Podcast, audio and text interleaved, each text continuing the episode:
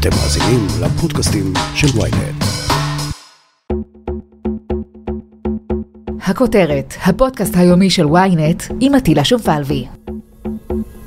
ממש בתחילת משבר הקורונה, בעוד אה, סוף אה, מרץ, העורך הראשי של הניו יורק טיימס מגזין, ג'ק סילברסטין, שאל אותי, מה יש בישראל שקשור לקורונה, אבל הוא לא דומה למשהו שקורה בכל מקום אחר בעולם, שכמובן כולו עובר את המשבר הזה, ואני מיד אמרתי החרדים, כי זו תופעה ייחודית, וכבר אז אפשר היה לשים לב שתופעות שעוברות על העולם החרדי בישראל כבר שנים מקבלות תאוצה או תפנית בעקבות המשבר הזה, שיש משבר עמוק בהנהגה החרדית, ושיש סיכוי שהדבר הזה יהיה קו של פרשת מים אדירים, שאולי יגיע בהשפעה שלו למה שקרה לחרדים, כמובן לא בהשוואה, אבל אחרי השואה ועם הקמת מדינת ישראל להבדיל.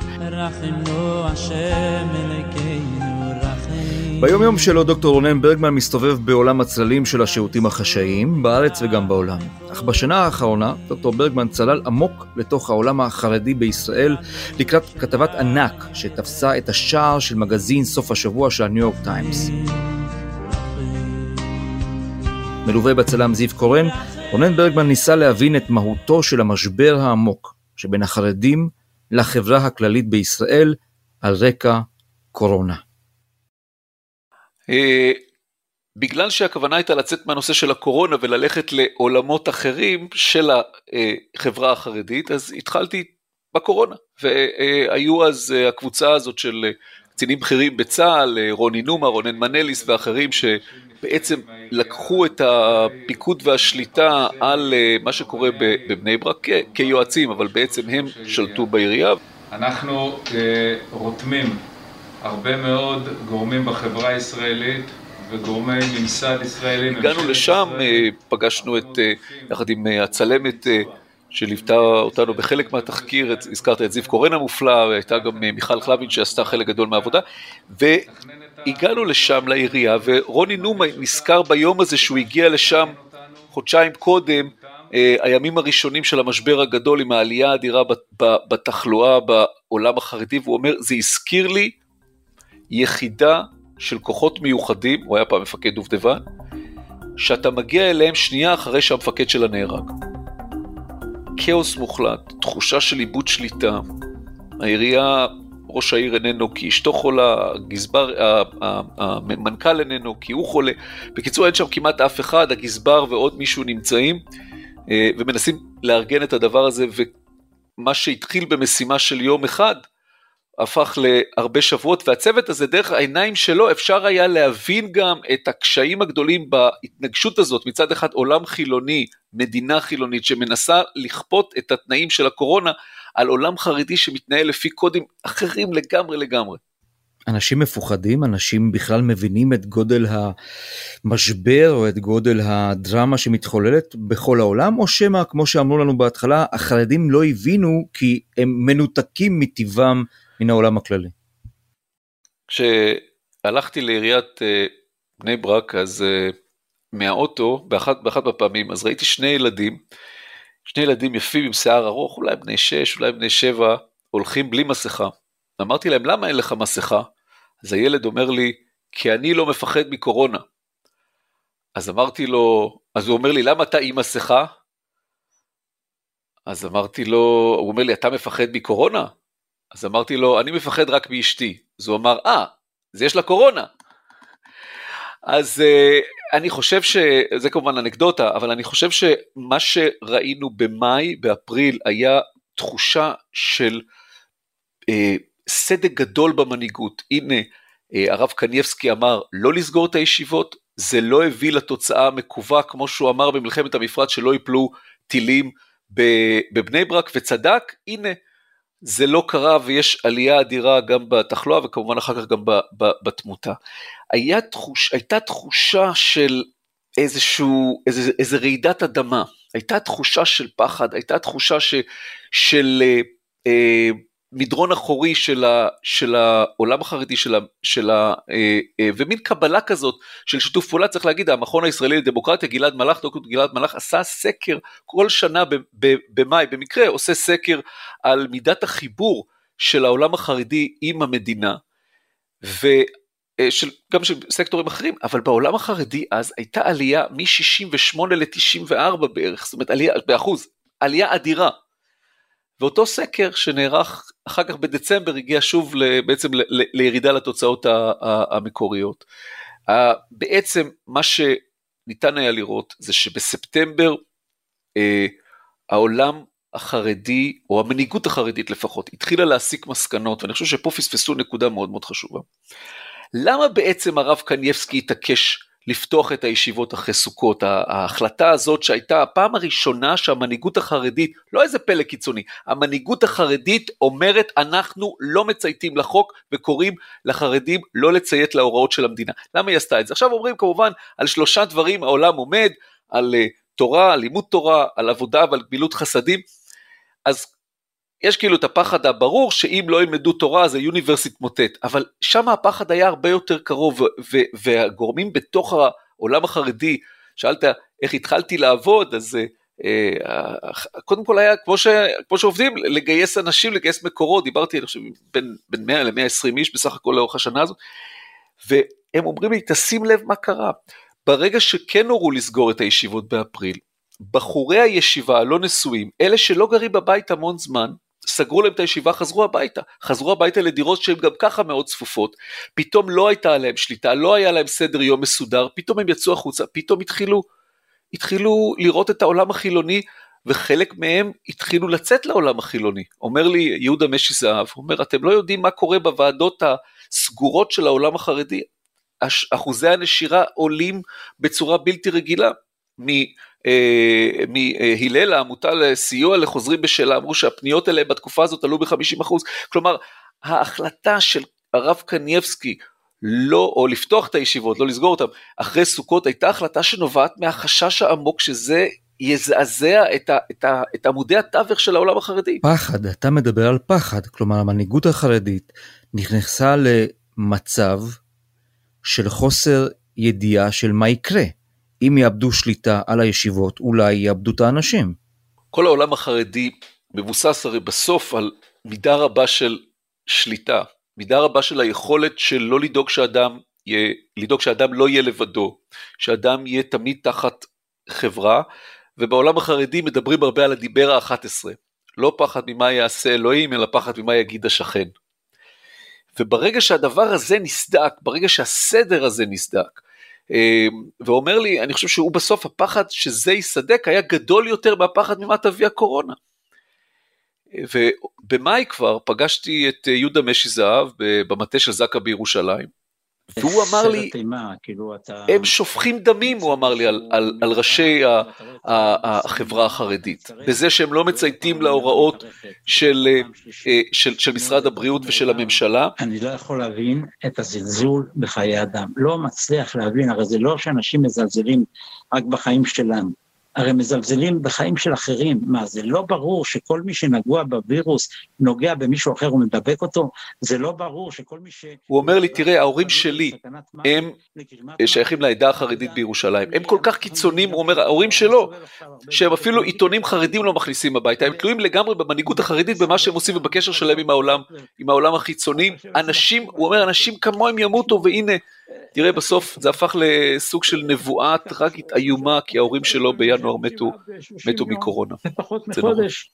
פשוט אני לא, לא מצליח לעכל את הזלזול הזה שיש בחיי אדם.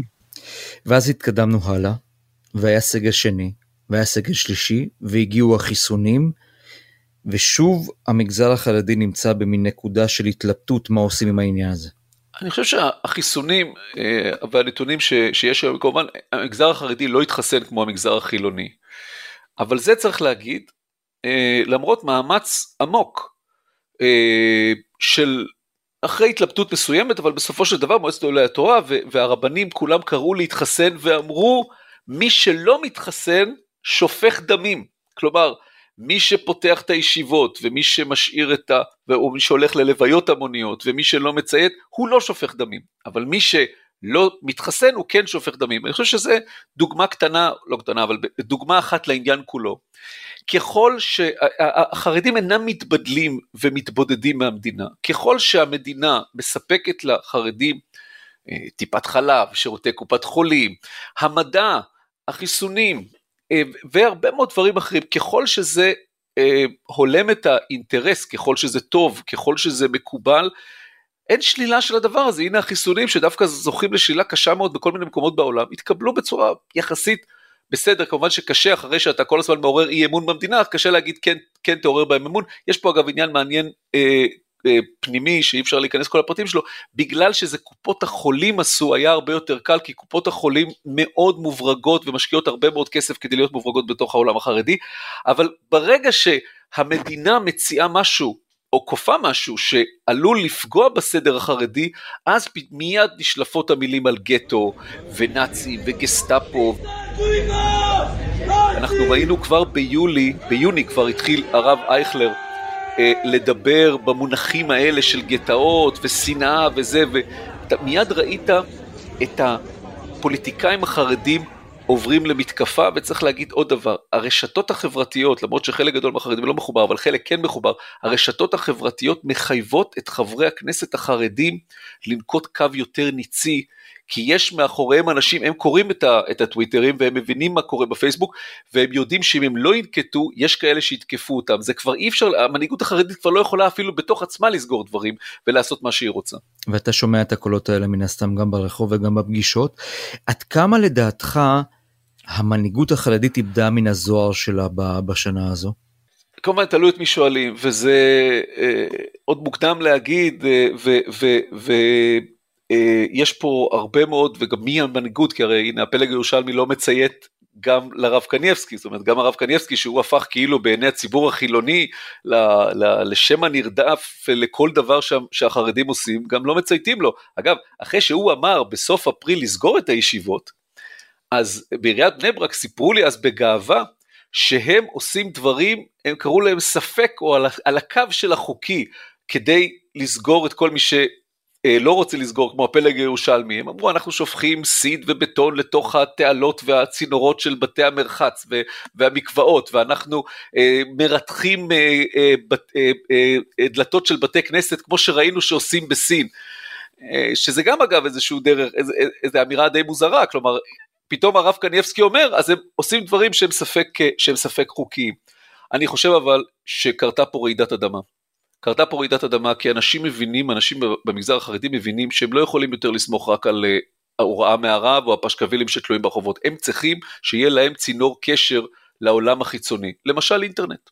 האינטרנט שהוא היה הדבר הכי מוקצה, ואולי סמארטפון, ולא טלפון כשר שמפוקח על ידי אה, גורמים של, אה, של המנהיגות החרדית ואין לו אינטרנט, הם צריכים קשר, והקשר הזה, ורואים את זה כמובן בכל הנתונים של בזק ושל חברות האינטרנט, זה, מיד רואים שיש פה הרבה יותר, אה, הרבה יותר קשר לעולם החיצוני, וגם כמובן, המשבר הכלכלי הקשה הזה יקשה עוד יותר על המנהיגות החרדית לאסור על גברים ונשים, בעיקר נשים, לצאת לעבודה, ולצאת לעבודה במקומות שיפרנסו אותם, כי אין כסף, והמשבר גם ב, אה, אצל החסידים ואצל הליטאים בניו יורק, שהם שלחו חלק מהכסף, הוא משפיע בסוף על הגמ"חים בישראל, ואי אפשר יהיה יותר לפרנס אותם. כלומר, כל הדבר הזה, ואנחנו נראה את התוצאות אה, הרבה הרבה שנים קדימה. נתקלת בתופעה הזו של הנכד של? מדברים המון על הקשר ש... ראש הממשלה נתניהו יצר עם הנכד של הרב קניבסקי, עם הנכד של ההוא, עם האנשים הקרובים לגדולי הדור, שהם כבר מבוגרים ולא בהכרח קשורים אה, לטלפון. נתקלת בתופעה הזו? כן, בוודאי. כשבאפריל-מאי, כשהיה ברור שההוראה לא לסגור את הישיבות הייתה לא נכונה, אז מי שדיברתי איתו, שרצה להגן על, על הרב, האשים את ינקי, את הנכד. ינקי לא הבין, ינקי לא עשה, ינקי לא ככה, ו, וכמובן רק, רק כדי להגן על, על כבודו של הרב. תראו, החצר, החצר של הרב קניבסקי היא חצר שנוגעת בהמון המון נושאים, כולל המון נושאים פוליטיים. הנה השגריר לשעבר, השגריר פרידמן, השגריר האמריקאי, רב העוצמה, היה מגיע לשם הרבה, והיה מקשיב לדברים שיוצאים. הרבה מאוד אנשים ביקשו דברים מ... קניאבסקי, כמובן מיאנקי שהיה מתווך את זה, ויש כאן מערכת שלמה גדולה מאוד, מסיבית של, של קשרים. אה, גם וגם בתוך יהדות התורה, המאבק הזה בין חסידים לליטאים, בין האגודה לבין אה, אה, זרמים אחרים, הוא משפיע על הדבר, ואתה רואה עד כמה הפוליטיקה משפיעה ועד כמה הפרנס, פרנסי הפוליטיקה בתוכם, הנכד הזה והנכד האחר אה, אה, משפיעים. אגב, היה שם אה, מאבק לא פשוט, אה, כי היה איזה מכתב של קנייבסקי שרצו לפרסם ביתד נאמן, הוא נחסם על ידי רב אחר, גם זה היה חלק מתוך, ה, מתוך העניין הזה. אנחנו לא רואים בחברה החילונית, בחברה החרדית, את התגובות יוצאות מיד, כי הכל באמת מכונס בפנים, הכל הוא אה, בחדרי חדרים, כמו שיש הרי את האתר הזה בחדרי אה, אה, חרדים, אבל אין ספק שקרה פה דבר גדול, דבר דרמטי, שהקצה שלו יצא, אבל זה שנים קדימה אנחנו עוד נשמע על, ה, על, ה, על, ה, על האירועים האלה. אני גם ניסיתי לחזור קצת אחורה, כדי לתת לקוראי הטיימס, תראו זה לא אירוע רגיל, יש פה, יש פה 12 עמודים, 12 עמודים במגזין השבועי של הניו יורק טיימס, שמוקדשים לכתבה ארוכה עם הרבה מאוד צילומים, שאין בה אף מילה על ארה"ב, אין בה אף מילה על איראן, אין בה אף מילה על ביון, אין, אין מוסד, יש בה אך ורק נושא ישראלי פרופר, אה, שצריך גם להסביר אותו בסוף לקורא האמריקאי. אם כי הניו יורקים אה, בוודאי נתקלו בחרדים בברוקלין, היו שם סיפורים לא מעטים על הקהילות החרדיות אה, מסביב לניו יורק ומנהטן, ולכן אולי זה באמת גם יצר הרבה מאוד עניין. נכון, אבל אני חושב שיש, יש, זה, זה אחד.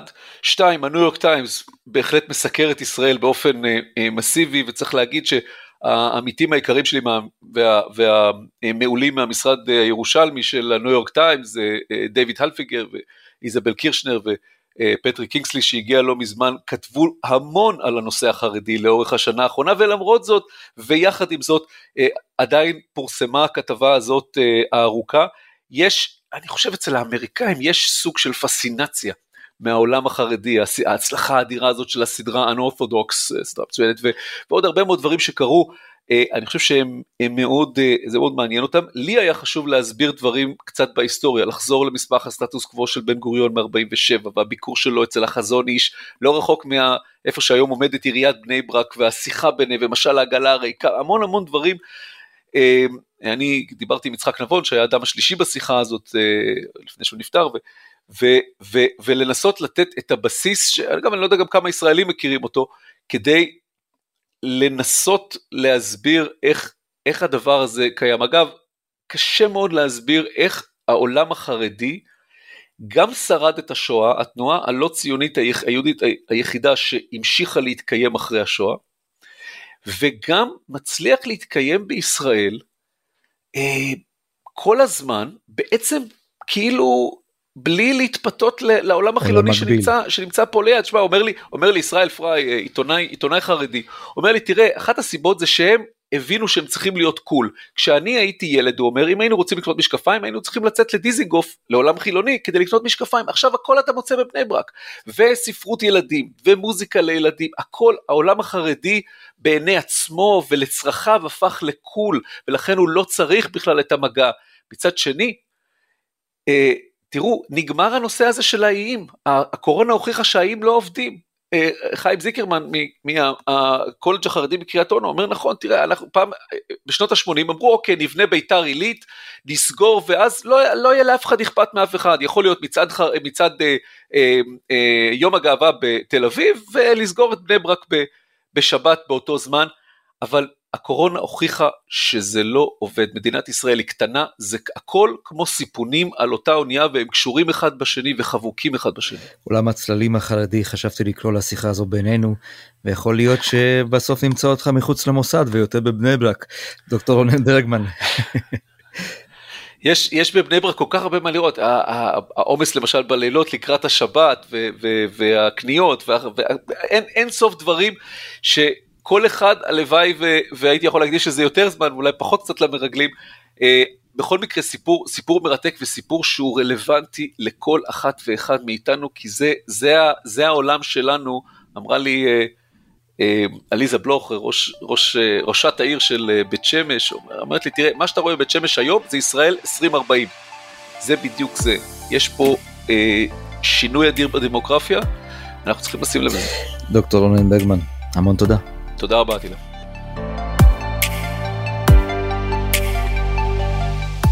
עד כאן הכותרת להיום, אתם יכולים להאזין לנו בוויינט, בספוטיפיי, באפל ובכל אפליקציות הפודקאסטים באשר הן. אם יש לכם הערות, בקשות או רעיונות, אתם מוזמנים ליצור קשר באמצעות האימייל podcaststrudelynet.co.il ולפנות אליי ישירות דרך הטוויטר או דרך הפייסבוק.